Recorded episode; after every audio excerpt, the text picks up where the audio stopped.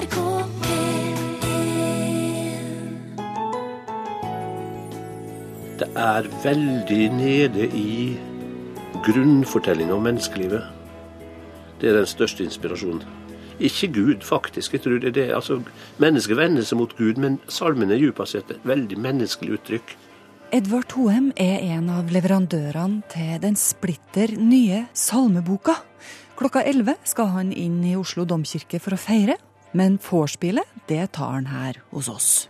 Så tenner vi et lys i kveld, vi tenner det for glede. Det står og synger for seg selv, og som er til stede. Så tenner vi et lys i kveld, vi tenner det for glede. Foran meg ligger ei tjukk, rød bok. 1455 sider. Rett fra Nederland, hvor den er trykka. Den fins i mange versjoner med besifring for bandbruk. Den fins i lilla og brunt, og den fins i pocket, til og med med stor skrift.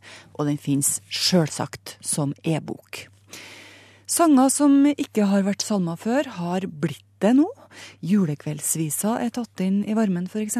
Bjørn Eidsvåg har levert. Kari Bremnes og Odd Nordstoga likeså. Og i dag så markeres det altså at vi har fått en ny norsk salmebok. Det er 28 år siden sist. Og forfatter Edvard Hoem han bidrar med elleve salmer og én oversettelse i den nye boka. Hva er det som inspirerer han når han skriver salmer? Er det Gud? Nei, det vil jeg ikke hevde. Ikke mer enn at annen skriving er inspirert av Gud. For meg er det sånn at det plutselig blir helt innlysende. Det er som et slags indre trykk som kanskje samles opp over lang tid.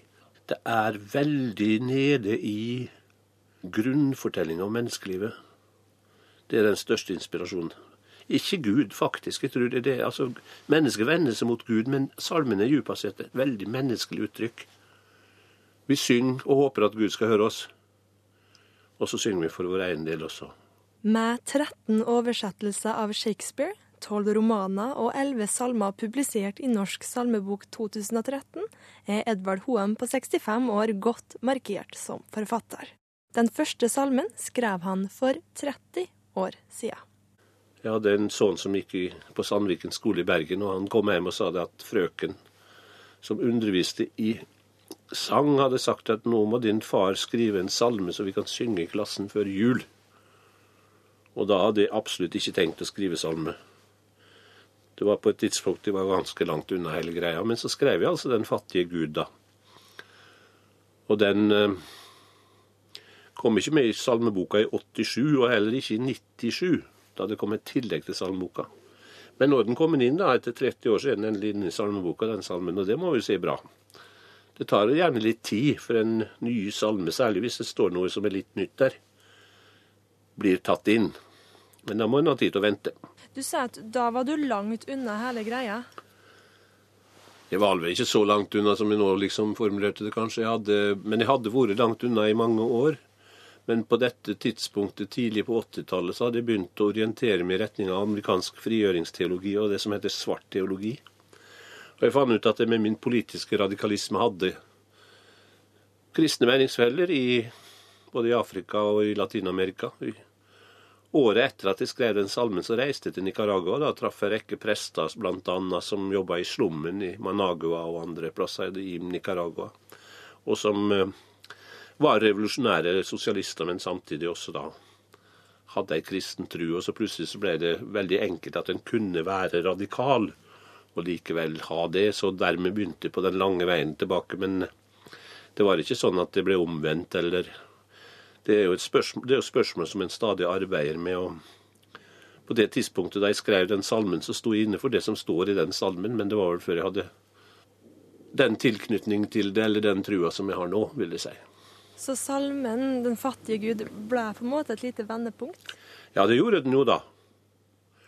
Og da vil jo noen naturligvis utlegge det sånn at det var Guds finger som rørte ved, hørte ved sanglærerinna på Sandviken skole. Men jeg, jeg er ikke så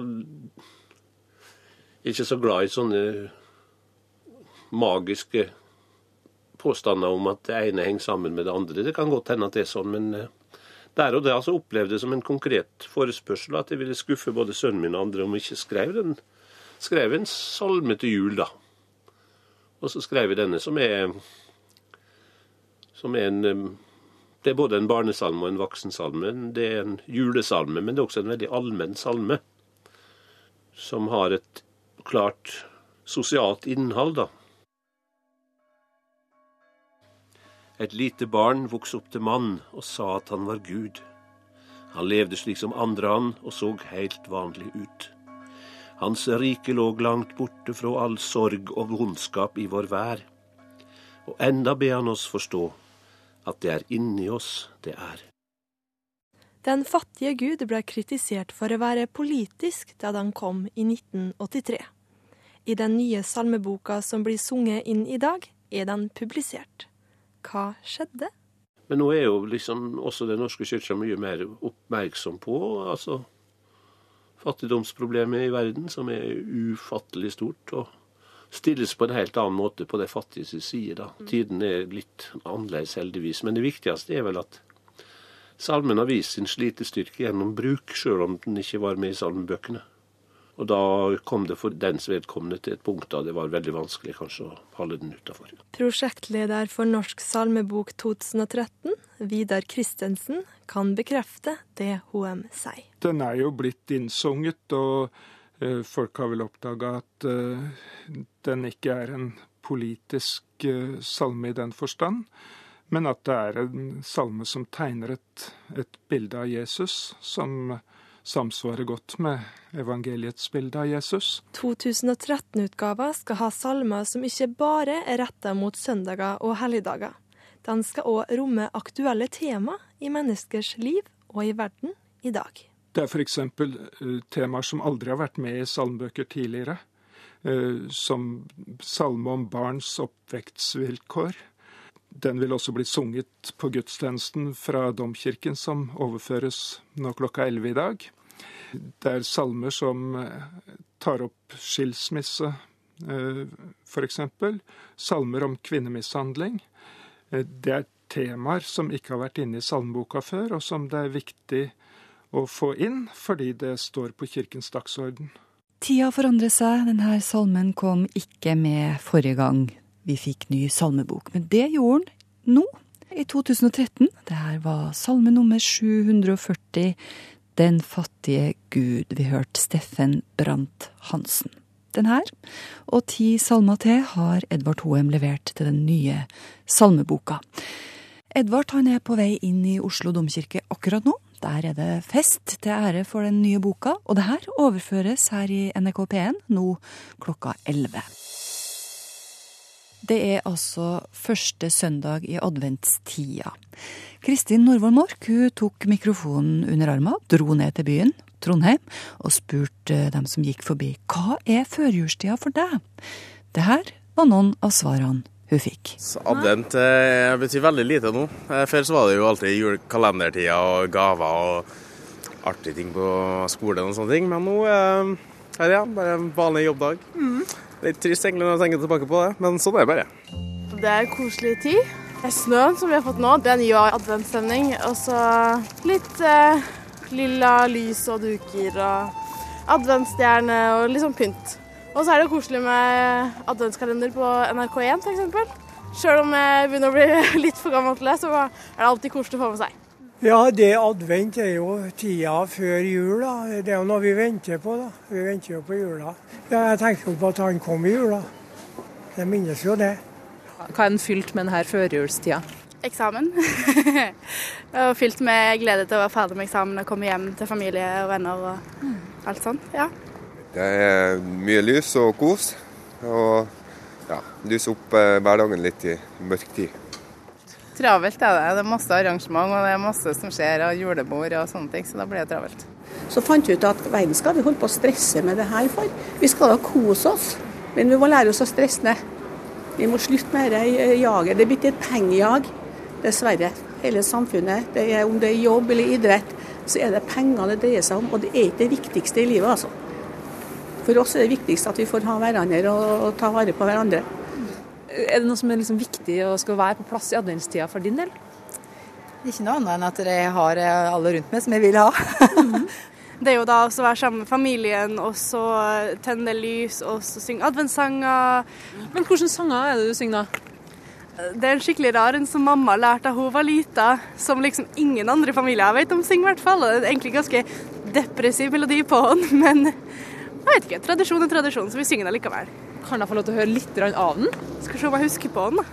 Jeg synger den bare en gang i året, så så tenner vi et lys i kveld, vi tenner det for glede. Det står og synger for seg selv, og som er til stede. Så tenner vi et lys i kveld, vi tenner det for glede.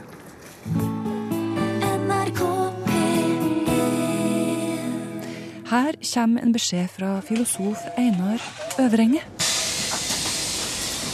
Hvert, hvert, eneste menneske er jo, en, er jo, en, liten revolusjon. Vi kan bryte med en autoritet. Vi kan faktisk si nei. Eller dette vil jeg ikke være med på lenger. Å stå opp. Ethvert menneske er en vandrende revolusjon. Alle kan starte en bevegelse, hvis alt ligger til rette for det. La oss gå tilbake til et sånt øyeblikk. Det er 1.12.1955 i Alabama. Rosa Parks sitter på bussen, sliten etter en lang dag foran symaskina, på jobben. Vondt i skuldrene, verk i nakken. Bussen fylles opp. En hvit mann kommer inn og krever at hun reiser seg og gir ham setet sitt. Rosa blir sittende denne dagen, 1.12., og hun blir arrestert. Hvis reglene hadde vært sånn her på bussen at eh, hvis det hadde kommet en pakistaner på, og det hadde vært fullt, så hadde du måttet reise deg og gitt plassen din til hun. Ja. Hva hadde du syntes om det? Skulle handle som vanlig. Selvfølgelig reiser vi ikke for om ikke hun har en knekt fot eller noe. Så. Men hvis det hadde vært sånn at du hadde fått bot og blitt satt i fengsel hvis du ikke ga fra deg setet, da? Da hadde jeg sikkert gjort det. du hadde det, ja? Ja. Har du hørt om Rosa Parks? Ja. ja. Hva tror du var som gjorde at hun ble sittende? Nei, hadde fått nok, sikkert. Det var ganske hardt med rasisme nede på 50-tallet, eller når det var. Martin Luther King organiserer bussboikott.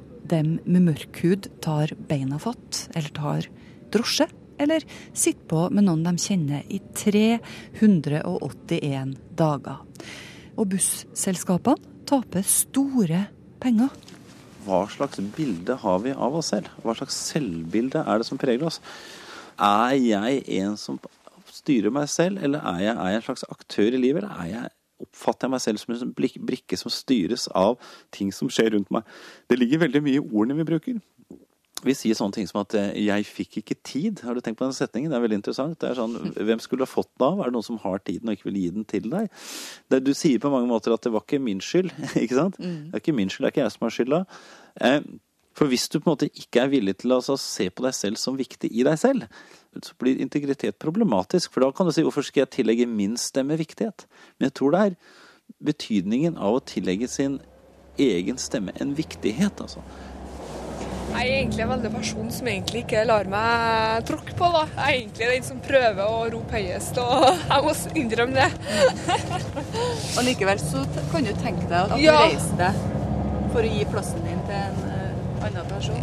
Ja, det er alt etter hvor uh, strengt det har vært. Så klart å blitt arrestert blitt fengsla bare for det. liksom det, det er vanskelig å sette seg inni det, tror jeg tanken på at mennesket styres av noe utenfor seg selv, er jo, går jo opp gjennom hele historien. Det, det, har vært gudene, og det har vært skjebnen, og det har vært sosiale omgivelser, og nå er det ikke guder lenger, og nå er det gener. Men, no, men så er det noen da som tenker at nei, jeg styrer meg sjøl, og jeg handler her, sånn ja. som Rosa Parks. Ja. Hvorfor har hun det bildet? ja, Det er ikke sikkert du greier å finne en årsaksforklaring på det, skjønner du. Det, kan godt, det er det jeg nettopp tror. Jeg tror hun var i en gitt situasjon hvor hun plutselig innså noe. Jeg vil, jeg vil, tro at dette ikke var en planlagt handling fra hennes side, men i den situasjonen der så kom det en innsikt til henne som hun valgte å handle på grunn av. Og det tror jeg er litt av poeng. Dette kommer til oss noen ganger. Stadig vekk i våre liv så befinner vi oss i, i situasjoner hvor vi inviteres til å ta stilling. Jeg tror ikke folk hadde forventning at det var Rosa Parks som skulle sette i gang denne, denne enorme bevegelsen som ble satt i gang her. Det var en tilfeldig handling fra en tilfeldig person. Kanskje kunne det vært en annen person, men hun grep den der og da. Vandrende revolusjoner, det er det vi er, du og jeg. Og det er det her totalitære regimer frykter mest. Folk som står opp for sine meninger. Eller sitter ned i Rosa Parks sitt tilfelle. Den type revolusjoner, en Mhm. revolusjon vil si, det er når du starter noe nytt. Du starter en ny begynnelse. Det er ikke planlagt. det. Det viser seg at det er spontane reaksjoner på en situasjon man er i der og da. Plutselig sånn. Mm. Og plutselig kan det vise seg mennesker som man minst ville tro det om, griper den. Vi har alle muligheter til å stille oss opp mot en autoritet. Eh, Noen ganger vurderer vi oss frem og tilbake og ikke gjør det, men andre ganger vurderer vi ikke engang, vi bare gjør det. Klart vi bruker vår erfaring og alt dette her, men så sier vi liksom nå vil jeg ikke være med lenger. Mm. Uansett hva du truer med, så vil jeg ikke være med lenger. På det punktet der så er det ingenting autoriteter kan gjøre. Akkurat. Det er det, det, det er det mest skremmende for totalitær ideologi. Det er mennesker som sier nei. Det er ikke mennesker som kaster bomber, men mennesker som sier nei. Så hadde du blitt arrestert og så måtte du betalt bot, og du hadde tatt det istedenfor å reise deg? Ja, jeg hadde vært så, så egen på det, ja. For jeg mener at det skal være likebehandling. Hvert, hvert eneste menneske er jo, en, er jo en liten revolusjon. Vi kan bryte med en autoritet. Vi kan faktisk si nei. Dette vil jeg ikke være med på lenger. Vi legger oss Einar Øverengets ord på hjertet. Det du og jeg gjør, har betydning. Vi kan forandre. Margrethe Nåvik heter jeg. Her i radioen rydder vi nå plass til kvinner som går på ski. Ha en riktig god 1. desember-dag.